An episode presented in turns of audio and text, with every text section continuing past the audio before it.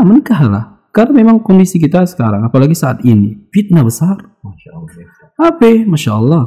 Klik, ah, Kita menginginkan kebaikan terkadang ada aja yang lewat. ya, makhluk-makhluk halus itu. Gitu. Kalau keutamaan nikah itu gimana Ustaz? Biar kita tuh jelas sebagai orang tua. Utamakah keutamaan nikah itu gimana? Ustaz? Biar termotivasi menikah. Bukan.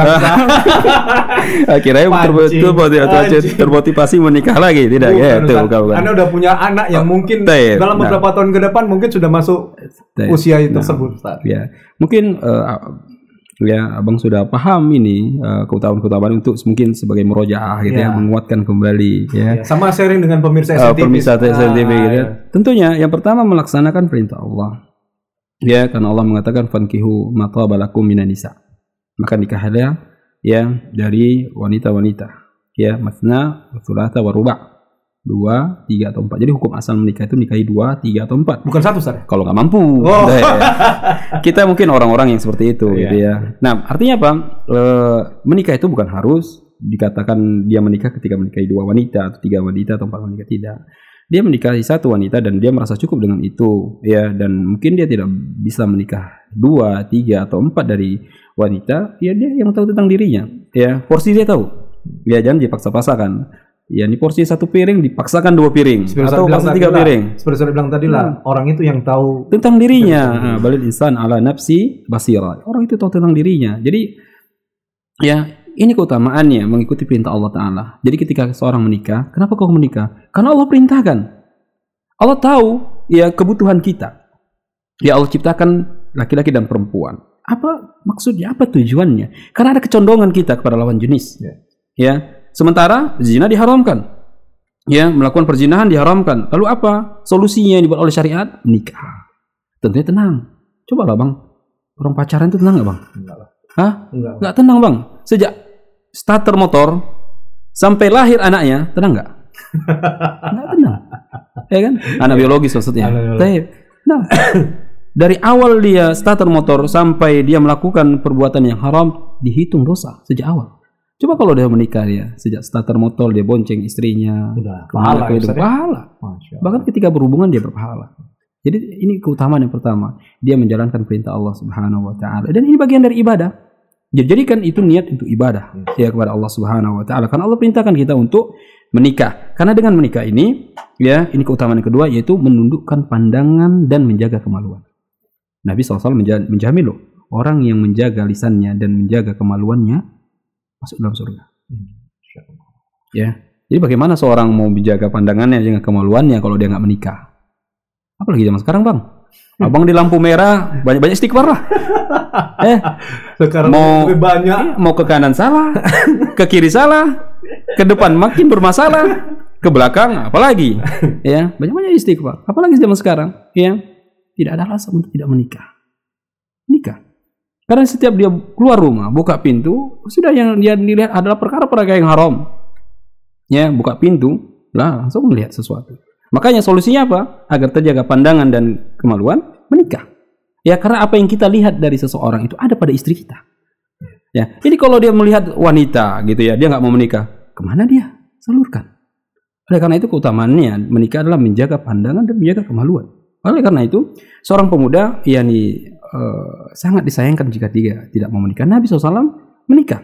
Ketika ada tiga orang yang datang ke ke Nabi ke istri Nabi SAW. Jadi orang ini tujuannya untuk menanyakan bagaimana ibadah Nabi SAW. Yang satu mengatakan, aduh kalau gitu jauh kali kita dengan Nabi. Kalau gitu saya mau sholat malam, gak mau putus. Artinya sholat malam terus menerus. Ya semalam suntuk. Yang satu mengatakan, kalau gitu saya puasa setiap hari. Yang satu nggak mau kalah dia. Kalau gitu saya nggak mau menikah. Biar fokus beribadah.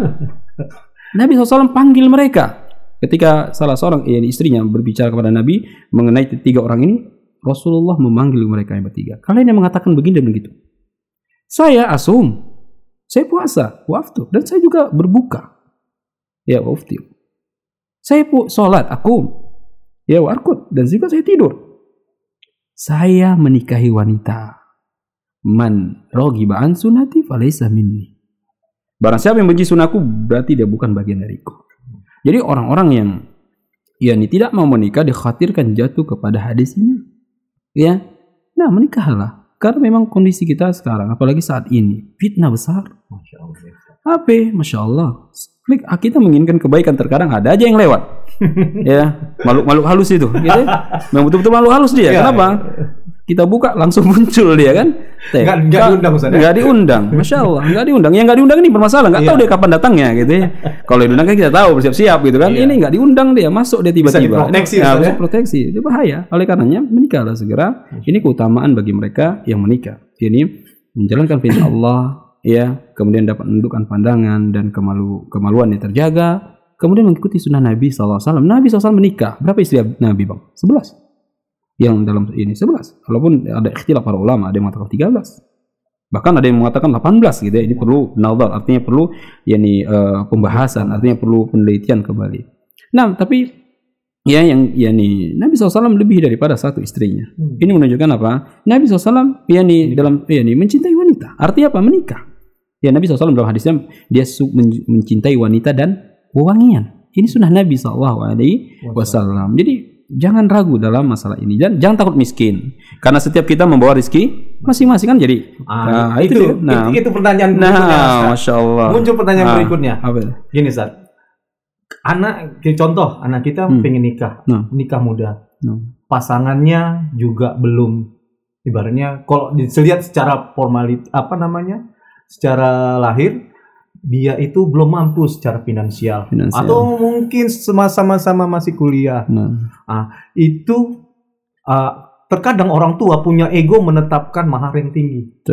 seperti Ustaz bilang, ya 30 juta, 40 juta, harus harus beli kerbau, harus beli sapi, harus dibayar ini, bayar itu. Sebenarnya mahar itu gimana Ustaz? Baik, mahar itu sebenarnya adalah nafkah pertama kali yang diberikan oleh suami kepada istrinya sebelum menikah. Artinya ketika menikah ya, ketika akan nikah kan ada mahar. Itu adalah nafkah pertama kali. Ya, dan dalam Islam tidak ditentukan berapa itu. Namun bisa jadi seorang itu meminta sekian. Ketika laki-laki itu mampu, silakan tunaikan. Kalau dia tidak mampu ya udah jangan dibicarakan. Terkadang kan, wih mahal kali maharnya. Nah, ini ada dua dua permasalahan. Yang satu menganggap itu mahal, yang satu terlalu mahal memberikannya. Nah, ketika tidak ada kecocokan contohnya tentang masalah mahar, ya. Pihak keluarga wanita mengatakan minta mahar sekian atau wanita yang minta mahar sekian. Laki-laki tidak mampu. Kalau dia tidak mampu dengan mahar seperti dia sudah selesai urusan. Jangan dia ceritakan tentang wanita itu tinggi kali maharnya begini begini. Ya kira gibah. Hmm. Adapun dari pihak wanitanya, ya mudahkan. Ya kalau dia sudah melihat laki-laki adalah laki-laki saleh, dia rajin beribadah, rajin mencari yakni kehidupan, mencari maisha, mencari kehidupannya dengan kita mengetahui dengan bertanya ya kepada orang lain, orang terdekat dengannya, maka tidak ada alasan. Karena rezeki itu Allah yang berikan. Karena rezeki kita tidak di ya tidak diketahui hari ini kita mungkin nggak makan, besok mungkin berlebihan kita beri makan orang. Karena kita nggak tahu. Karena ya kita mungkin bisa melihat dari realita kehidupan orang. Dulu kita lihat dia ada orang kaya raya. Ya, mungkin kita baca sejarah bagaimana keturunan-keturunan kerajaan dahulu mereka dulu kaya. Ketika eh, bapak tidak berkuasa lagi, mereka menjadi miskin bahkan menjadi pengemis.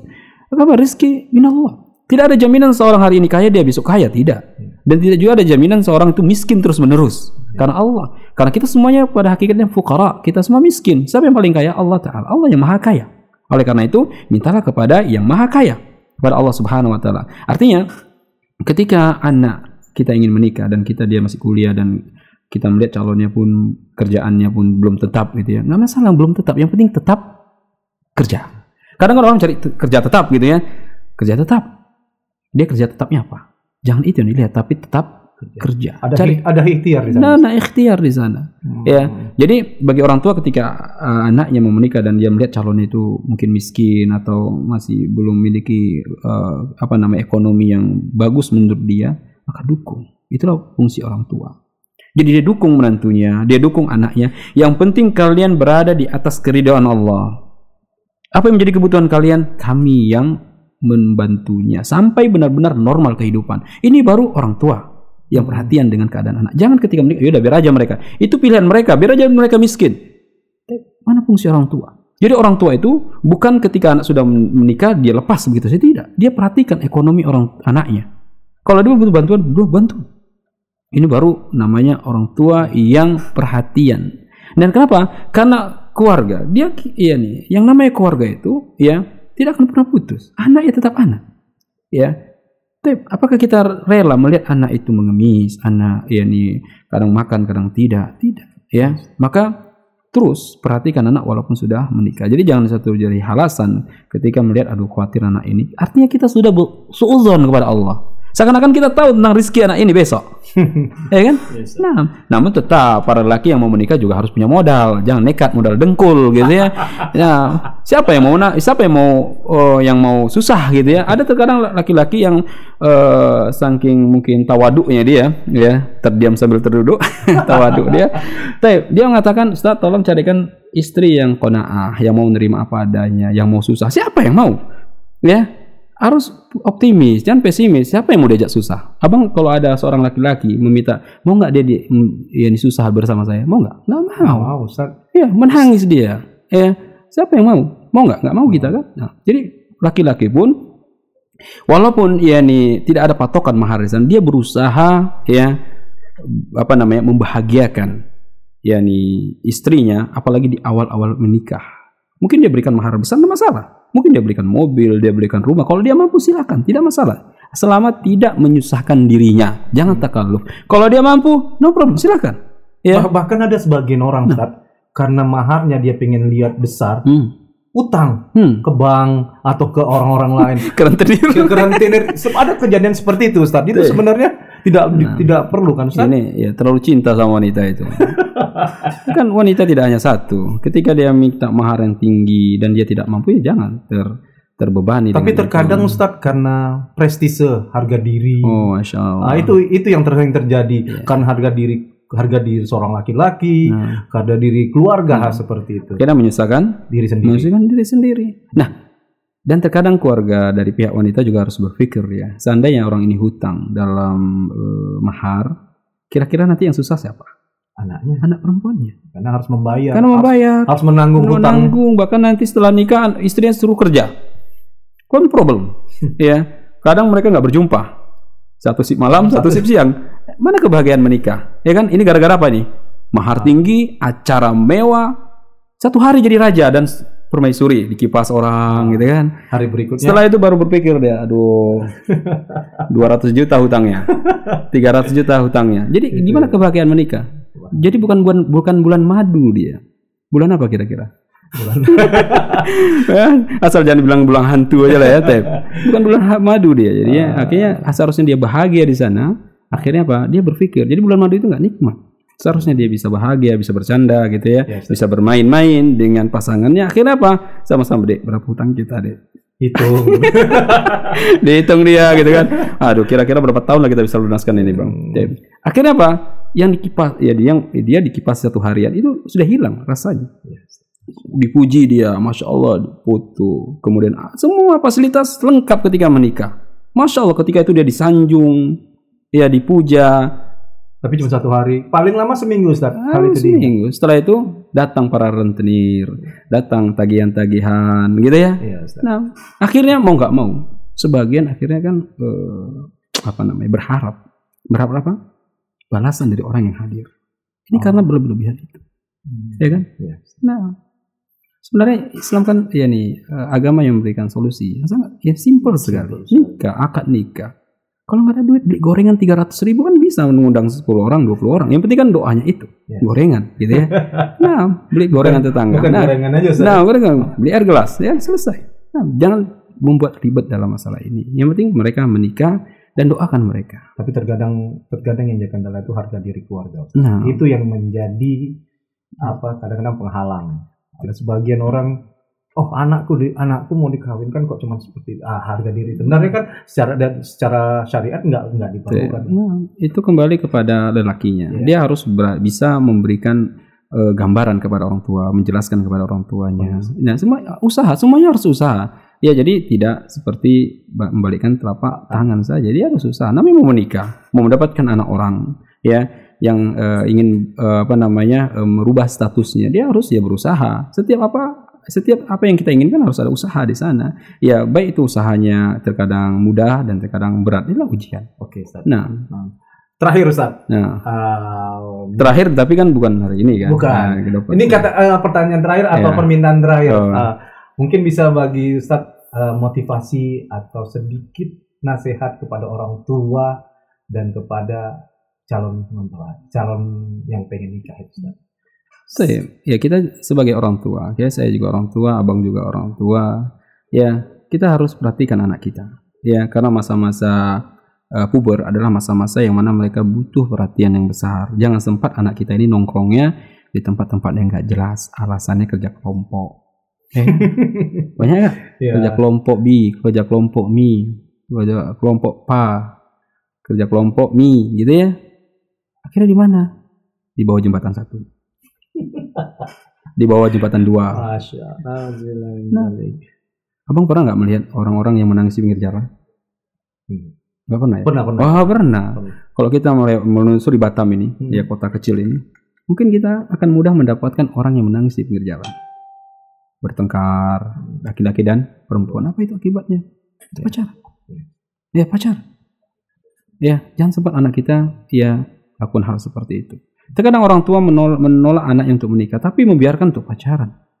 Buat maksiat. Dia bermaksiat, dia dukung. Dan orang tua seperti ini tentunya akan bertanggung jawab nanti di akhirat. Karena setiap mereka akan diminta pertanggungjawaban atas apa yang mereka pimpin. Maka perhatikan anak kita. Ya walaupun dia sudah dewasa, sudah besar, sudah bisa berpikir, lihat jam segini dia di mana. Dia ngapain? Ya, di kamarnya dia lagi ngapain? Oleh karenanya orang tua juga harus membantu mereka membuat jadwal, jadwal kegiatan mereka agar kegiatan-kegiatan tersebut adalah kegiatan-kegiatan positif. Ya jangan sempat dia walaupun dia berada di kamarnya, namun dia melalang buana di dunia maya. Dia mengenal yakni para lelaki ya bagi khusus perempuan, dia mengenal para lelaki di sana. Ya, terkadang ya ya nih bukan hanya Nusantara tapi sudah mendunia yang dia kenal.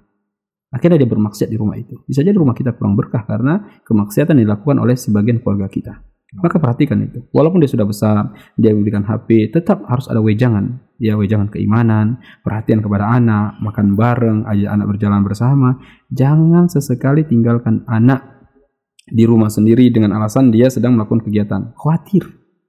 Ya, setan ya dari kalangan jin dan kalangan manusia merusak dirinya. Yes. Berapa banyak terjadi? Ya, orang tuanya bisnismen, ibunya juga bisnis woman. gitu ya. Betul nggak bahasa Inggrisnya itu? ya bisnis woman gitu ya. Tapi dua-dua bisnis akhirnya anak yang jadi yang jadi apa? Menjadi korban. Jadi korban. Akhirnya anak nggak tahu ternyata pemakai sabu, ternyata ya ini ya ini pelaku satu di antara pelaku ya ini kecanduan ya ini seksual dan lain sebagainya disebabkan orang tua yang kurang perhatian. Oleh karenanya kita mengajak pada semua orang tua perhatikan anak-anak kita apalagi yang sudah remaja yang puber mereka puber itu mengerikan gitu ya. Ya. karena mereka di situ ingin meluapkan apa yang mereka inginkan. Kenapa? Kaidah anak muda itu ya apa namanya mutu anak muda itu lakukan masalah belakangan. Nah, betul nggak? Teh, Ya. lakukan masalah belakangan. Akhirnya kaidah ini yang membuat mereka rusak lakukan aja. Kenapa mereka lakukan itu? Karena semangat. Ya pada dirinya yang begitu besar kobaran api yang begitu besar sehingga mereka melakukan adapun masalah nanti. Ya dirasakan bersama-sama sama orang tuanya calon mertuanya tetangganya. Akhirnya apa? Rusak. Ya oleh karena itu juga bagi para calon yakni eh, mertua ya ya berusaha untuk mencarikan calon untuk anaknya adalah laki-laki yang saleh cari tahu mungkin lihat di majelis lihat ketika sholat.